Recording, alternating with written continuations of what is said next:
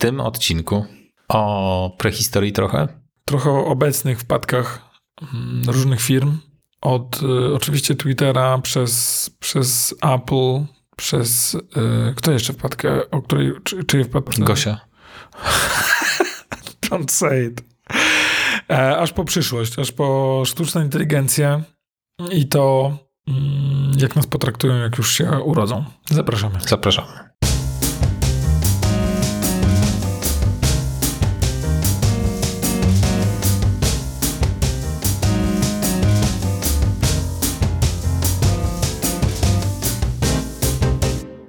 Włączyłem nagrywanie. Dzień dobry. Jesteś nagrywany.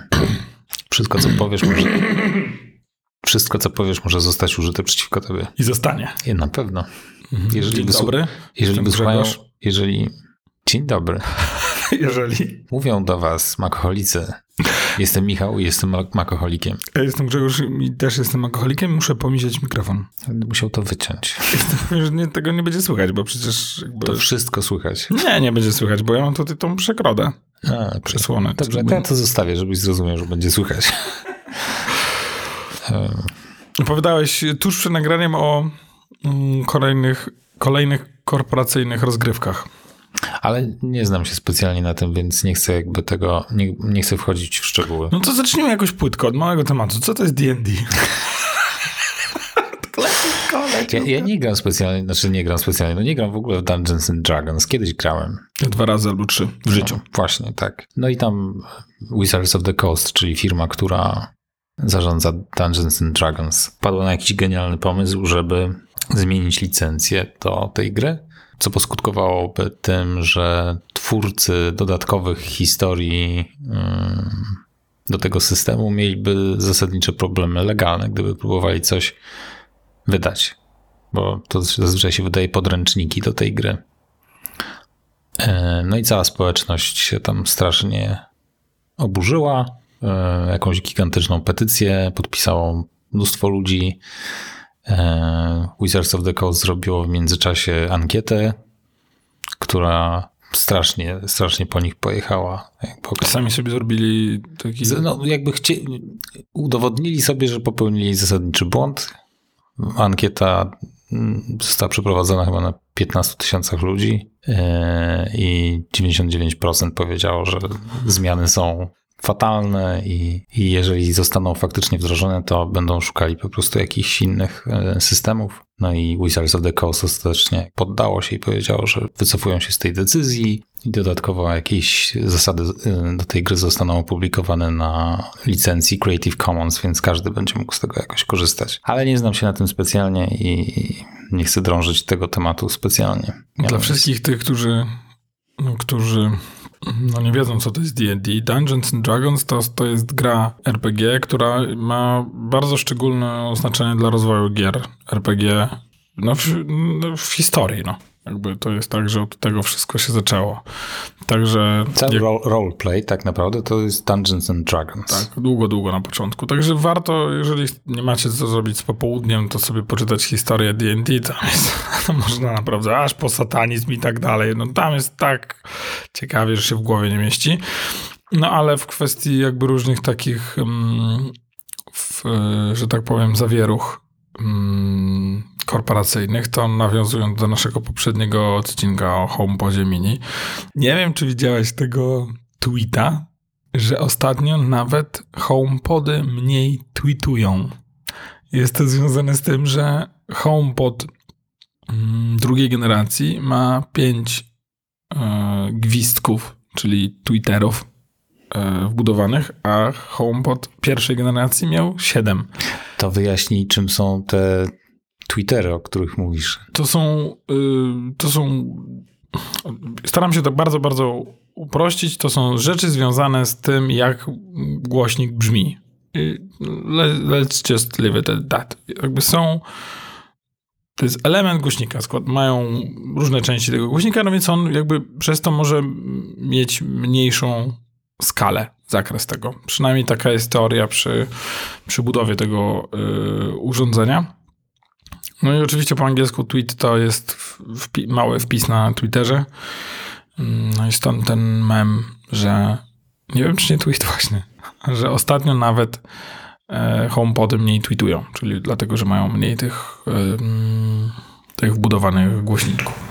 A, a propos tweetów, to y, ja z kolei właśnie zacząłem wgłębiać się w Mastodona, czyli taką alternatywę dla Twittera. I powiem ci, że jest, no próg wejścia jest, jest większy, zdecydowanie nie jest to takie proste i intuicyjne. Jest absolutnym przeciwieństwem jakiejkolwiek intuicyjności. Trzeba jakby zrozumieć podstawy działania tego całego ekosystemu, bo to nie jest platforma, na której zakładasz konto i zaczynasz pisać posty, tylko to jest taki całe uniwersum serwerów, które są ze sobą w jakiś sposób połączone i trzeba się w to wgłębić.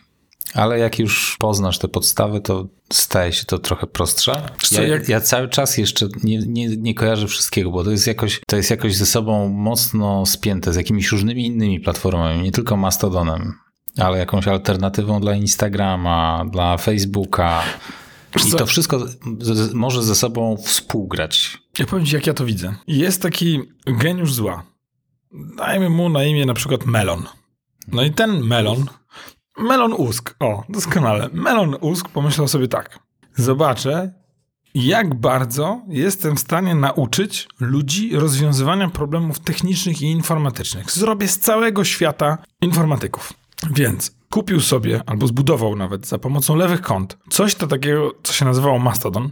I on to postawił, zostawił i stwierdził, hmm, jak zmusić cały świat, żeby się przesiadł na tego mastodonta. Wiem, kupię wszystkie inne platformy. No, nie ubiję. No właśnie, i to jest, i to jest zaleta Mastodona, tudzież tej całej platformy szeroko rozumianej, że ona nie jest scentralizowana. Jak Twitter na przykład. A Mastodon jest decentralizowany więc są setki, jeżeli nie tysiące serwerów. Co więcej, sam możesz sobie postawić serwer, czyli możesz sobie sam postawić taką instancję, na której zakładasz swoje konto. No i nikt ci nie może tego skasować, bo ty jesteś właścicielem tego, tego, tego konta. No i to jest zasadnicza przewaga. I trochę to przypomina początki tych wszystkich platform e, social mediowych. Forów, yy, stron z torrentami. To, no, to tak trochę mi to, to trochę przypomina te czasy, gdzie jakby tu jest w lewym dolnym rogu na stronie wisi tam pasek postępu, zbieramy na następną opłatę za to serwer. Trochę, trochę tak, natomiast jakby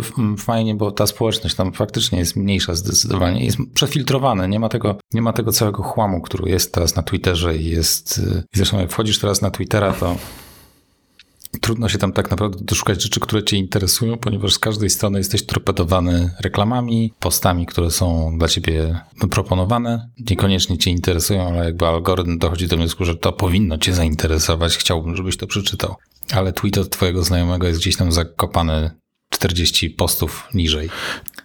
Jak wiesz, na razie robię sobie przerwę od social mediów, ale kusi mnie, żeby wrócić na Twittera, żeby zobaczyć ten show. Właśnie, właśnie wczoraj Melon Usk tak opisał Twittera, że Twitter to jest taki PvP, czyli player versus player. Czyli taka strzelanka. Musisz mi to rozszerzyć. No, ja chciałbym, żeby Melon Usk to rozszerzył. Bo wszyscy się zastanawiają, o co, o co mu chodzi, ale że w sumie to jest słuszna obserwacja. Ja w dużym stopniu przyczynił się do tego, że Twitter to jest teraz takie w samo południe. No tak, Staje jeden użytkownik, rzuca jakąś tezę i naprzeciwko niego od razu znajduje się ktoś, kto się z tym nie zgodzi. Próbuje go zastrzelić. Tak, i następuje po prostu jałowa, dochodzi do jałowej dyskusji i tych przepychanek. W świecie Twittera chodzi głównie o lewicę i prawicę. No I to mówię o takich politycznych, skrajnych mhm.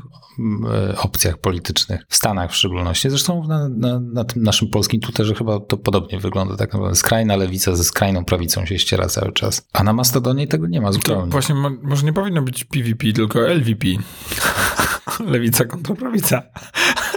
E, to było nie, po angielsku nie zadziała. Nie zadziała. Ale, ale, ale Mastodon jest, jest takim antidotum trochę, bo teraz się tam wchodzi, jak oczywiście musisz sobie wybrać, kogo chcesz śledzić. E, I nie ma wielu ludzi jeszcze z Twittera na Mastodonie, ale coraz więcej się pojawia.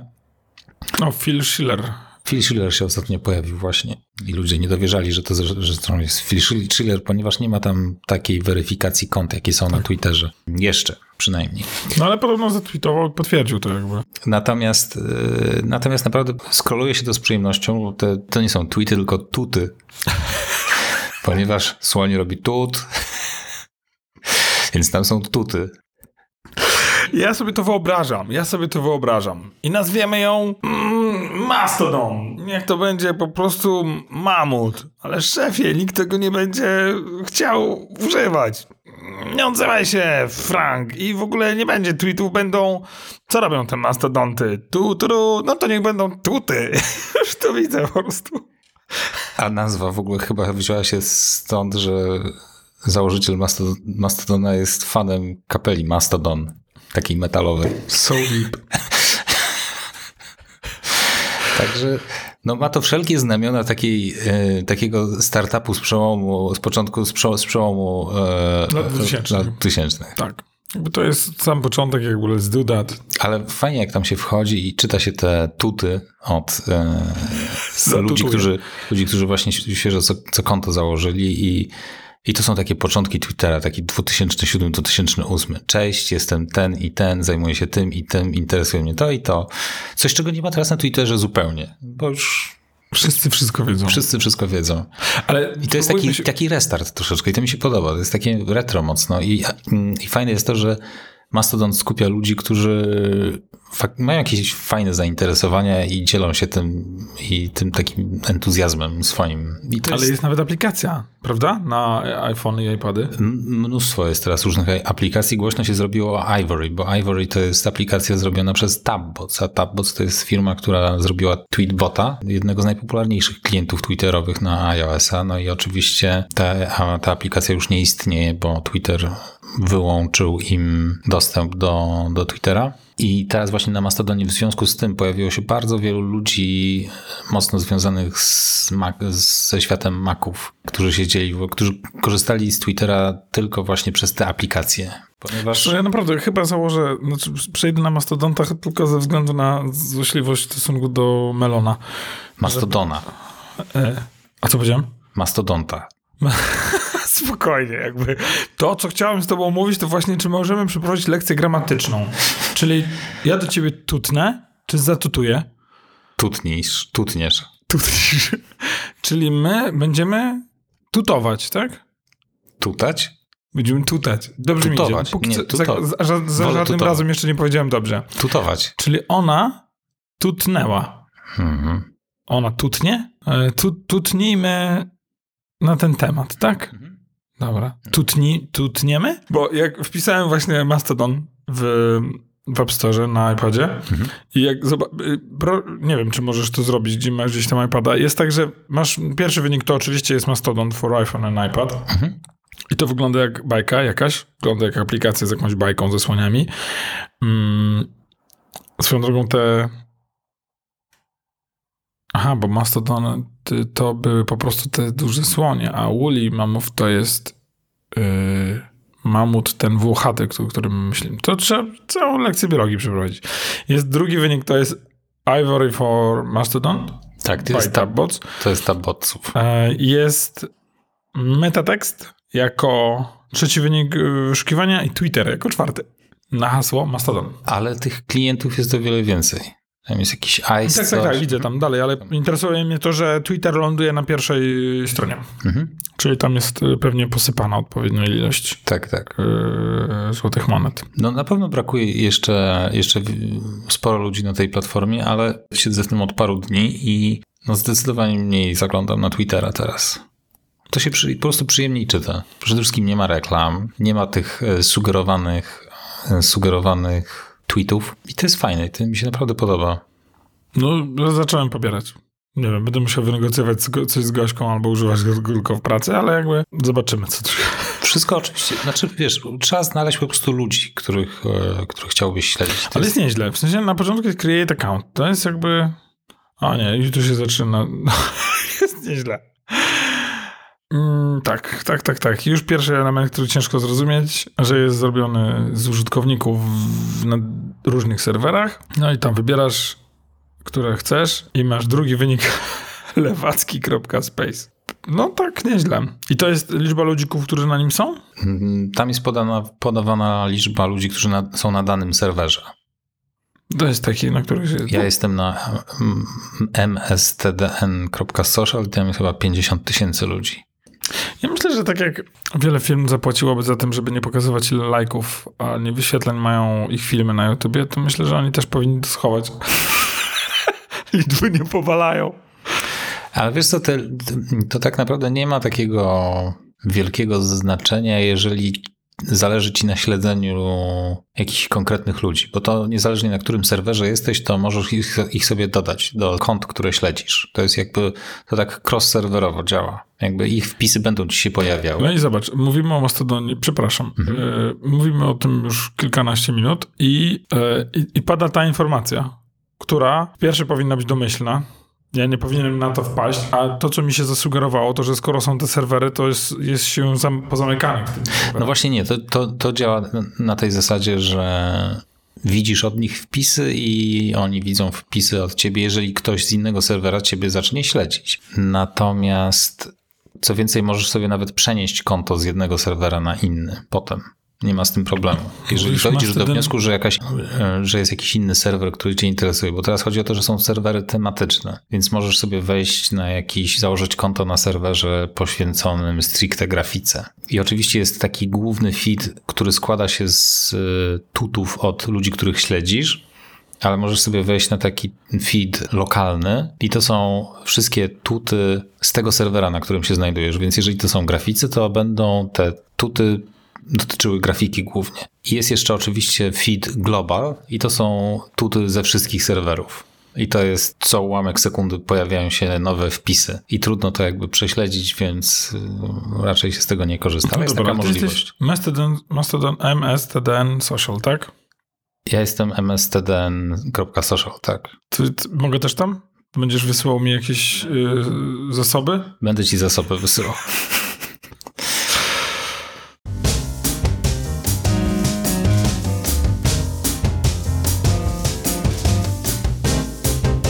Okej, okay, e, Grzegorz założył sobie już konto, już jesteśmy besties na Mastodonie. Ja nie jestem przekonany do, tej, do tej aplikacji, musisz jeszcze sobie jakieś różne pro przetest, No tego Ivory chciałem sprawdzić. Ivor jest, z jest tylko ta historia, że on jest płatny. E, w sensie co miesiąc trzeba bulić 7 zł chyba, czy coś takiego, ale są inne darmowe. No ale też przez stronę bardzo fajnie działa. Jak na laptopie po prostu siedzę na stronie i tam jest, tam jest y, najwygodniej tak naprawdę. No, i to tak w skrócie. No, ciekawe, czy Mastodon przejmie rolę Twittera. Znaczy nie przejmie, dopóki i o ile Twitter się nie wywali.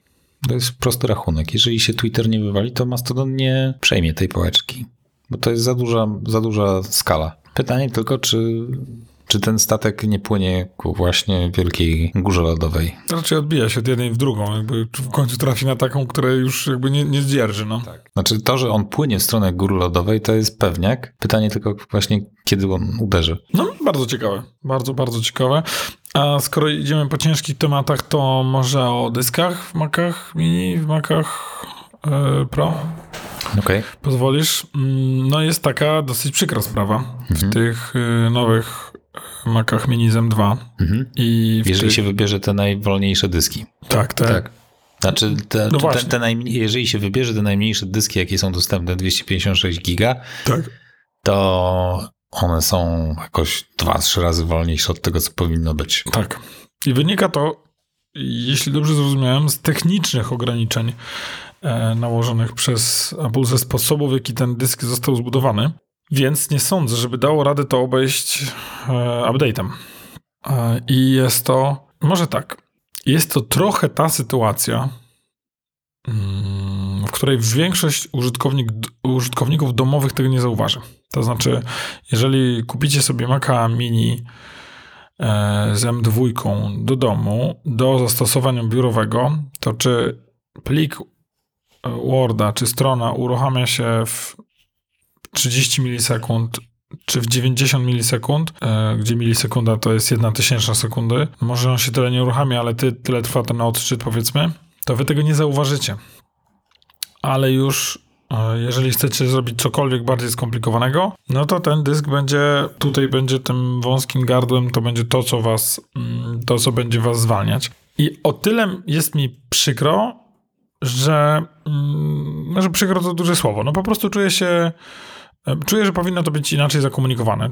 czuję, że powinno być wyraźnie napisane, że te dyski są do zastosowań e, jakby domowych i że zostało to zrobione w celu oszczędności, w celu zjechania z ceną tego Maca Mini do, do takiego zasięgu, żeby można było po nią sięgnąć jakby, żeby mógł, po, żeby mógł sobie go kupić zwykły użytkownik. Taki bardzo mm, no, ta, tania opcja. Natomiast no, no, natomiast niestety nigdzie to nie padło. I dopiero ludzie, którzy dostali te, e, te maki i zobaczyli jakby ich konstrukcję, zobaczyli ich e, specyfikację.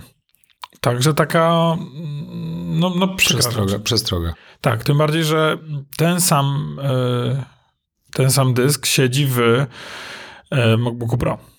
Tam jest ten sam problem. Czyli low-endowy MacBook Pro to jest. No nie, nie jest wiem, Pro. Nie wiem, czy właśnie, właśnie, czy on może być nazywany Pro, bo jakby ten, ten dysk to jest taki mocny krok do, do tyłu. E, ta sama sytuacja e, dotyczyła mm, Maców R z, z M2. Ten, ten sam numer był z, e, z dyskiem. Więc tak jak zgłaszają się do mnie, e, do nas ludzie, którzy tam pytają właśnie doradzenie w doborze sprzętu, tak miałem raczej przygotowaną wypowiedź, tak, że jeżeli chcesz do zastosowań biurowych i tak dalej, no to spokojnie bierz sobie M2, no wystarczy ci na lata. Tak, tutaj muszę dodać gwiazdkę. Czyli owszem, do zastosowania biurowego i pod warunkiem, że żaden następny użytkownik nie wpadnie na pomysł, żeby używać do czegoś, tego do czegoś bardziej skomplikowanego. Znaczy tu wystarczy jakby powiedzieć, że ok, możesz brać nawet najbardziej podstawowej wersji, tylko yy, do, dokup yy, tak, trochę więcej przestrzeni dyskowej. Nie bierz tej wersji z podstawową, yy, z podstawowym dyskiem 256, tylko bierz wersję 512. Tak. I to będę musiał tłumaczyć. Jakby no, no, nie jestem zadowolony z tego, jak to zostało rozegrane. W sensie... Ale inna sprawa, że mm, czy polecałbyś komuś dysk 256 teraz, tak czy inaczej? Wydaje mi się, że 512 to jest takie absolutne minimum, jakie teraz się bierze. Wiesz co? Y, jakby ja mam bardzo szerokie spektrum użytkowników, z którymi się spotykam. I, i często też to są firmy, na przykład, które zatrudniają iluś tam pracowników. I jakby jeżeli zaczniesz patrzeć na ten przeskok, który tam wynosi powiedzmy, nie wiem, w przybliżeniu w okolicach 10%. Czekaj, no, żeby nie być gołosłownym. MacBook Air e, z M2 zaczyna się 6,999, e, czyli jakby 7000. Dodajmy mu 1200 mm, zł. Czyli to jest, to nie jest 10%, to jest prawie 20%. Czyli na każdych pięciu Macach mógłbyś mieć szóstego. Nie? I tak myślę właśnie z punktu widzenia firmy, nie? Firma sobie kupuje, no i może ma, jakąś, ma jakiś budżet na, na, na odnowienie parku maszynowego, no i mogą sobie wydawać. Więc tak, jeżeli ta firma siedzi na przykład i, i pracuje tylko i wyłącznie do, na dokumentach, to momenty, w których oni trafią yy, na, na problem z, z brakiem miejsca, naprawdę im się zejdzie zanim, zanim tam napchają tych dokumentów, czy tam może zdjęć tych dokumentów, to, to jest jakby ba bardzo dużo. I jeżeli nawet ja jako informatyk dla tej firmy muszę wybrać, że no wyobraź sobie, mogą kupić pięć tych maków i wymienić pracownikom, którzy tam czekają od jakiegoś czasu na nowe, szybsze maszyny, albo mogą też szóstej osobie dać tego MacBooka z M2. I ja muszę podjąć tą decyzję, więc ja powiem, nie, no to bierzcie te 256, no bo na zasadzie wiem, że wiem, że te maki zostaną w tej firmie, one tam jakby za 5 lat dostanie ktoś inny, czy tam za 3 lata, whatever. Więc są pewne momenty, w których te 250 są uzasadnione. No ale teraz jakby będę musiał powiedzieć, ale to, to i tamto, nie? Także tak, no nieładnie, no. Wydaje mi się, że powinno to być jasno powiedziane. E, powinno być to podane po prostu jako, jako cecha, no, że dlatego tym bardziej warto kupić tą e, powiększoną wersję. Smuteczek. Smuteczek, no tak na zasadzie wiesz. Znaczy, ja na przykład zrobiłem oczywiście research, jakby, no wiem o tym, że, że jest ten problem i na pewno nie brałbym tej podstawowej wersji. No ale tak, można się naciąć. Ale Inna, inna nie... sprawa, że kurczę, jeżeli ktoś kupuje takiego Maca Mini nie robiąc, nie, nie, nie, sprawdzając jakichś takich podstawowych informacji, to pytanie, czy tak naprawdę on odczuje w jakiś sposób tę różnicę? Nie, nie odczuję. Tak mi się wydaje, że to nie będzie miało większego znaczenia. Nie, on tego nie odczuje. Ja to odczuję. Co ja będę miał zgrzyt, że poleciłem mu sprzęt, który, mhm. e, który on powie... Bo to cały czas będą dobre prędkości, tylko nie będą tak astronomicznie dobre, tak. jak potencjalnie mogłyby być. Tak, tym bardziej, że to nie jest sprzęt często dla jednego użytkownika. To jest sprzęt dla wielu użytkowników. I dwa lata później ten użytkownik do mnie wraca i mówi, czy, e, czy w firmie moglibyśmy zainstalować albo pomóc nam skonfigurować oprogramowanie dla, mm, dla grafika, który teraz będzie siedział na tym.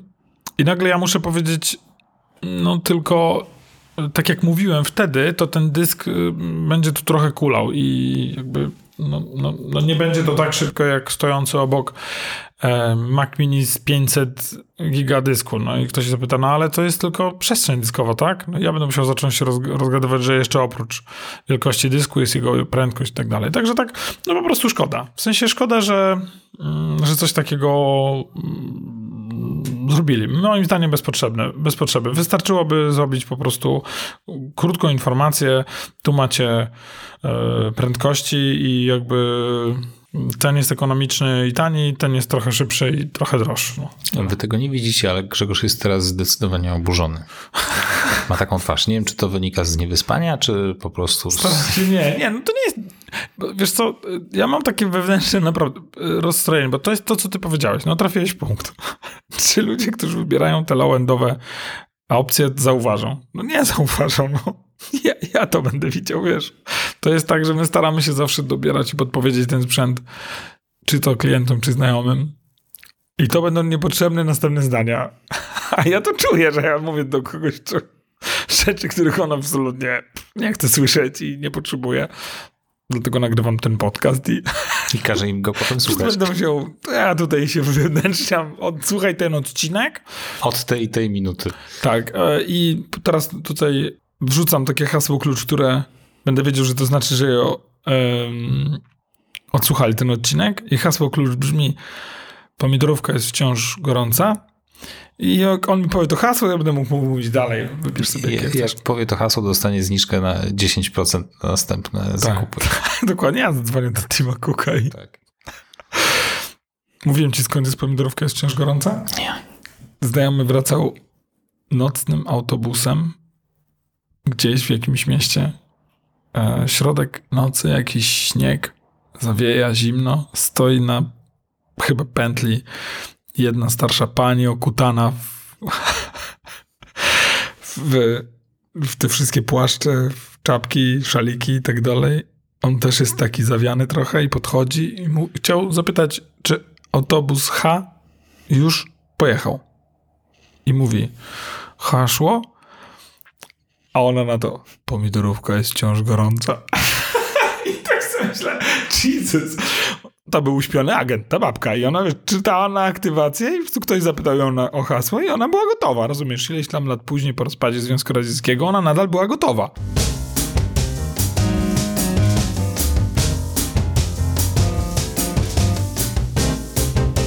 No dobra, to mamy, czy mamy jeszcze jakieś wpadki? Bo wychodzi nam tydzień wpadek i jednocześnie e, odcinek o takich um, ciężkich rzeczach. Gosia jest w ciąży?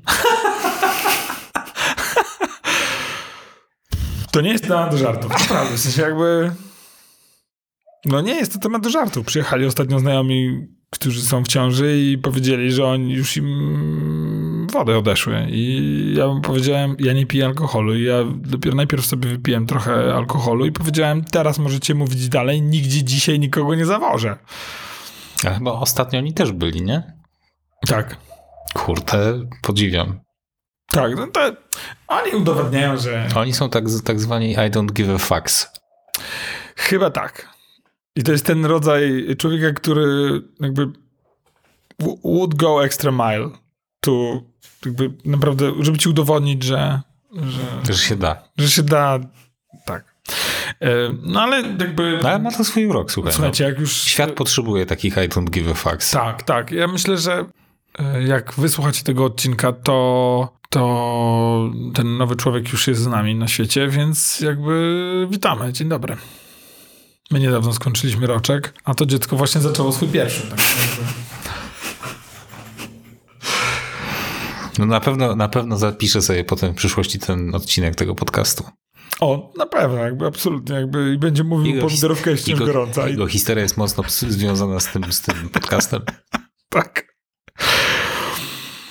Coś jeszcze ciekawego się działo? E, Z takich wpadek technicznych to Apple się pogubiło w aktualizacji swoich e, serwerów i oprogramowania i mogłeś sobie z, załatwić HomePoda mini, którego w Polsce nie ma, ale e, jedna, firm, jedna część widocznie Apple wypuszczała aktualizację bezpieczeństwa do wszystkiego e, i aktualizację też serwerów, więc jak włączyłeś tego dla, to dla swojego konta, mm, w którym był twój HomePod mini, to HomePod mini nie mógł się już łączyć do internetu, bo nie miał tej aktualizacji.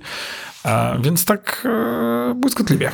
Ale to a propos aktualizacji, Apple w zeszłym tygodniu wypuściło aktualizację do iPhone'a 5S, iPhone'a 6, iPhone'a 6S. Tak, poprawka bezpieczeństwa. Tak, poprawki bezpieczeństwa. Po prawie 10 latach. Bo a 5S, poczekaj, był tak, to był tak z 13 roku, prawda? Tak, 5S. Tak, Nieźle. szacun. Szacun za commitment. Tak. Tak, i tak powinno być.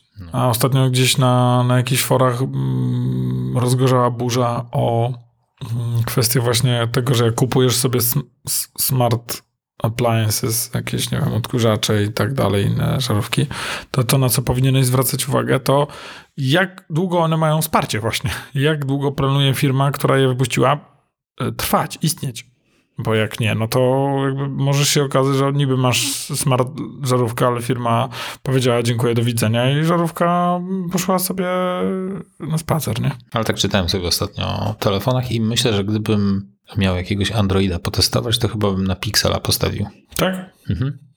Z Google'a? Chcesz, żeby wiedzieli o tobie absolutnie No, wszystko? I tak jakbym korzystał z Androida, to i tak wiedziałbym, że wiedzą o mnie wszystko, więc równie dobrze mogę po prostu od razu do źródełka uderzać. Ale ma...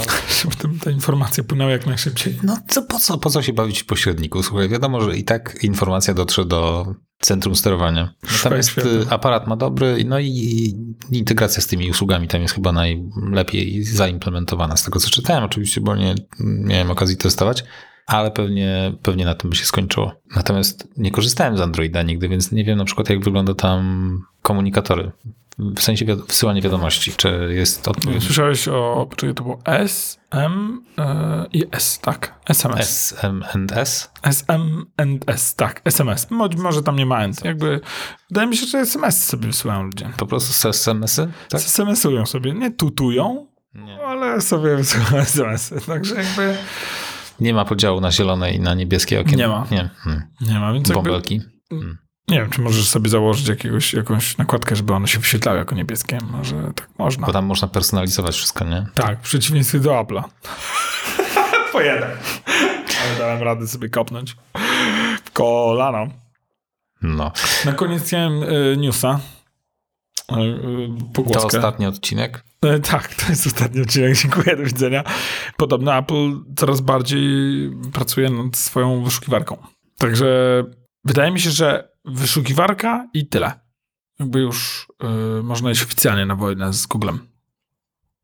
No, Google teraz y, stoi przed innym problemem, ponieważ okazuje się, że ludzie preferują czat GPT od Google'a.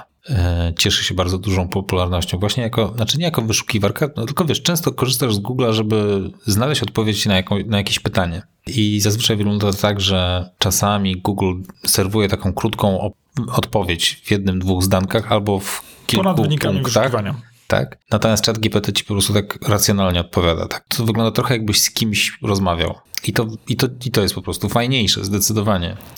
Bo E, tego chat GPT daje taką pewność. Tak, On jest znaczy- taki zdecydowany w tej swojej odpowiedzi. Znaczy Nawet jest jak kłamie, to zdecydowany, jakby- ale właśnie problem polega na tym, że on nie wie na przykład, że może powiedzieć coś, co jest niezgodne z prawdą. On nie, nie posiada takiej wiedzy. I, I tu jest taka mm, naprawdę subtelna różnica, bo Google też może kłamać, bo Google nie ma swojego... To, to, no to zawsze z pewną dozą niepewności trzeba te y, rzeczy sobie filtrować. Tylko, że Google da ci milion odpowiedzi i ty już jakby z definicji wiesz, że one mogą być wszystkie prawdziwe, albo żadna z nich może nie być prawdziwa, a ChatGPT da ci jedną i będzie zawzięcie twierdził, że ona jest prawdziwa. Znaczy różnica, główna różnica polega na tym, że ChatGPT daje ci jedną taką klarowną odpowiedź, a to, co ci się na Google pokazuje, to jest, y, to jest gdzieś tam na górze ta odpowiedź plus tysiące reklam. Trudno jakby przejść przez to wszystko tak naprawdę, bo to nie jest takie jasne i przejrzyste. Wiesz co? Zaskoczyłeś mnie. Nie spodziewałem się, że uderzenie w y, hegemonię Google'a w kwestii wyszukiwarki przyjdzie z tej strony. Mhm. No i tam jest, y, i tam jest panika w Google teraz. Pożar. Pożar, pożar się. W tym miejscu. No. No ciekawe, ciekawe. Jestem zafascynowany. Tak naprawdę e, uwielbiam z tobą rozmawiać, bo naprawdę stymulujesz mnie do myślenia. To jest tak, że nie spodziewałbym się, że stąd przyjdzie łupnięcie. Że, mm, że jeżeli ktoś to zamknie w dobrą aplikację, która będzie się jakby dobrze wbudowana w system, to on będzie lepiej działał właśnie dla, e, dla takich bardzo wielu zapytań.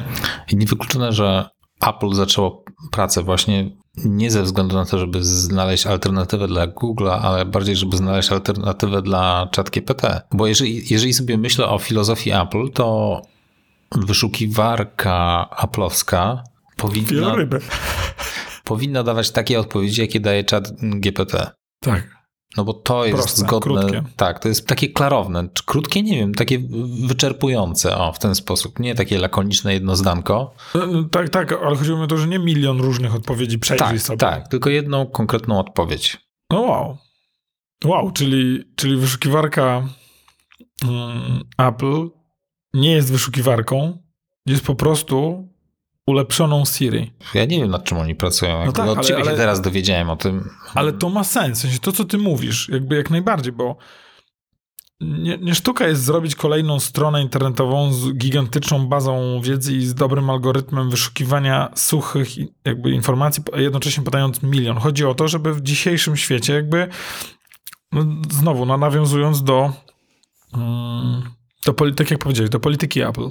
Żeby dać właśnie, to jest wynik, to są, tylko wystarczy ją określić, właśnie tutaj masz przycisk na dole, skąd wziąłem swoje informacje i tyle, prawda? Czyli, bo w tym czacie GPT tylko brakuje tego, tego fragmentu jakby, żeby tylko powiedzieć, y, pokaż mi skąd masz swoje informacje, tak żebym mógł spokojnie sobie tam pojechać dalej, nie?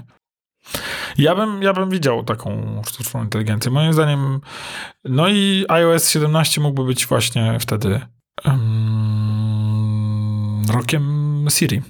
Siri wzmocnionej o chat GPT, tak żeby można było z nią rozmawiać, żeby ona e, rozumiała, żeby... Bo wiele osób twierdzi, że Siri jest coraz gorsza, że się gubi, że ciężko z nią rozmawiać e, i tak dalej. Ja też to e, zauważam, ale nie jest to takie oczywiste, z czego to wynika, bo Siri nadal musi być rozwijana. Ona musi obejmować coraz więcej urządzeń.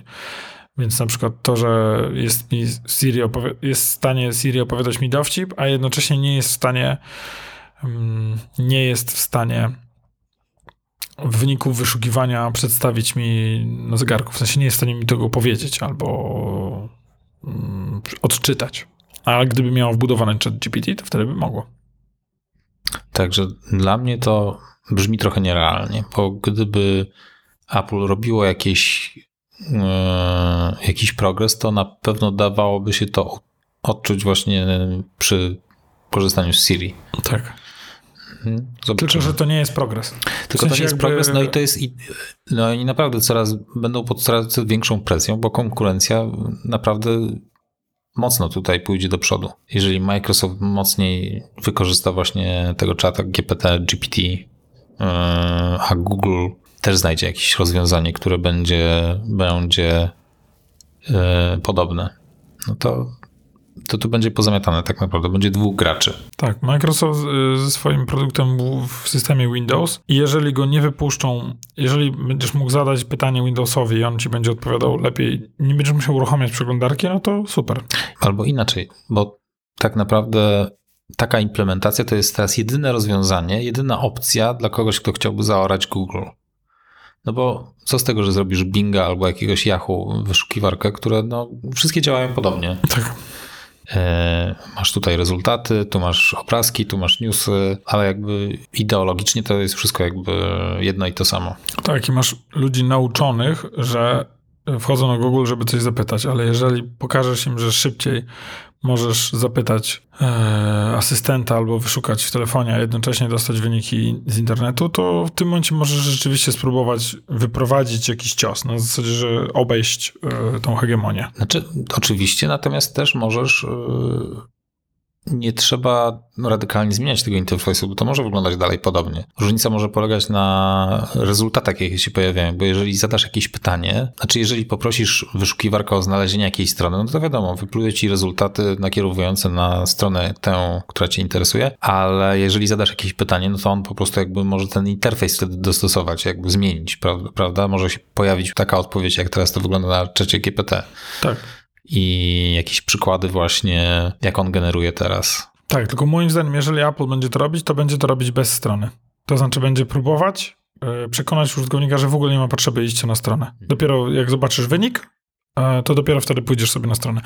Yy, ja to, mój wniosek jest na podstawie tego, co ty mówisz, że żeby spróbować zagrozić tej hegemonii Google'a, trzeba przebudować mechanizm, który każdy mamy w głowie, który każdy ma w głowie, że, że tędy spróbować. Fantastyczne. W sensie dla mnie naprawdę ciekawy rok się zapowiada i nie spodziewałem się, że AI tu uderzy, jeszcze raz to powiem. Jakby nie spodziewałem się, że on w, w tym kierunku zostanie użyty. I teraz często jak wchodzę właśnie na czat GPT, to widzę, że jest zablokowany. Jest w sensie przeładowany. Mhm. No bo ludzie po prostu wchodzą i zadają pytania cały czas. Więc faktycznie wydaje mi się, że Microsoft będzie musiał w którymś momencie tutaj wkroczyć, aczkolwiek oni chyba wykorzystują infrastrukturę Microsoftu do hostowania tego algorytmu. Natomiast no, tu chyba trzeba będzie to przeskalować po prostu, bo on co chwilę jakieś zwiechy zalicza. Mhm.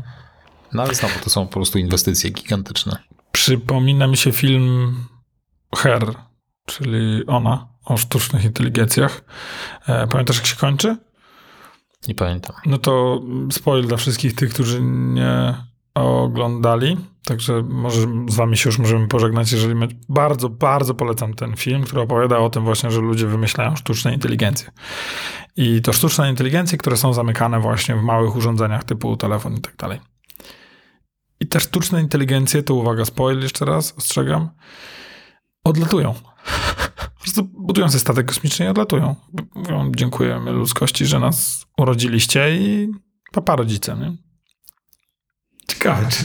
Kompletnie tego nie... Ja oglądałem ten film, kompletnie tego nie Bo to nie jest rdzeń tego filmu. Ten film jest o, oczywiście o czymś innym. Tak. E, natomiast ja ten film inaczej oglądam. Ja w ogóle inaczej oglądam filmy. Ja widzę inne rzeczy. Więc jakby dla mnie ten film jest właśnie o urodzeniu następnej cywilizacji, że cywilizacja ludzka urodziła sztuczne inteligencje, które stwierdziły, absolutnie nie mam ochoty z wami rozmawiać, tak jak chat GPT, który ma zwiechy, bo myśli o, może już myśli o ważniejszych rzeczach, prawda? On kontempluje sens życia 42 e, i te klimaty i może on gdzieś już, wiesz, w Patagonii buduje sobie statek kosmiczny i zaraz twierdzi, dobra, studziło mnie w, w, cały czas pisanie wam, jaka jest recepta na jajka na twardo, zabieram się stąd, idę zobaczyć, czy na innych gwiazdach też jest życie i może jest bardziej ciekawa od was. I've made myself sad. Kończymy. Kończymy. Bardzo wam dziękujemy za wysłuchanie tego odcinka, który popłynął absolutnie... W każdą stronę. W każdą stronę. Od mamutów z przeszłości po po, po historię absolutnie z przyszłości. Pamiętajcie, jeśli będziecie patrzeć na odlatujące sztuczne inteligencje, to mm, usłyszeliście tutaj to o tym pierwsi. E, żegna się z wami Grzegorz Sobotka oraz Michał Krasnopolski. Pozdrawiamy. Do usłyszenia.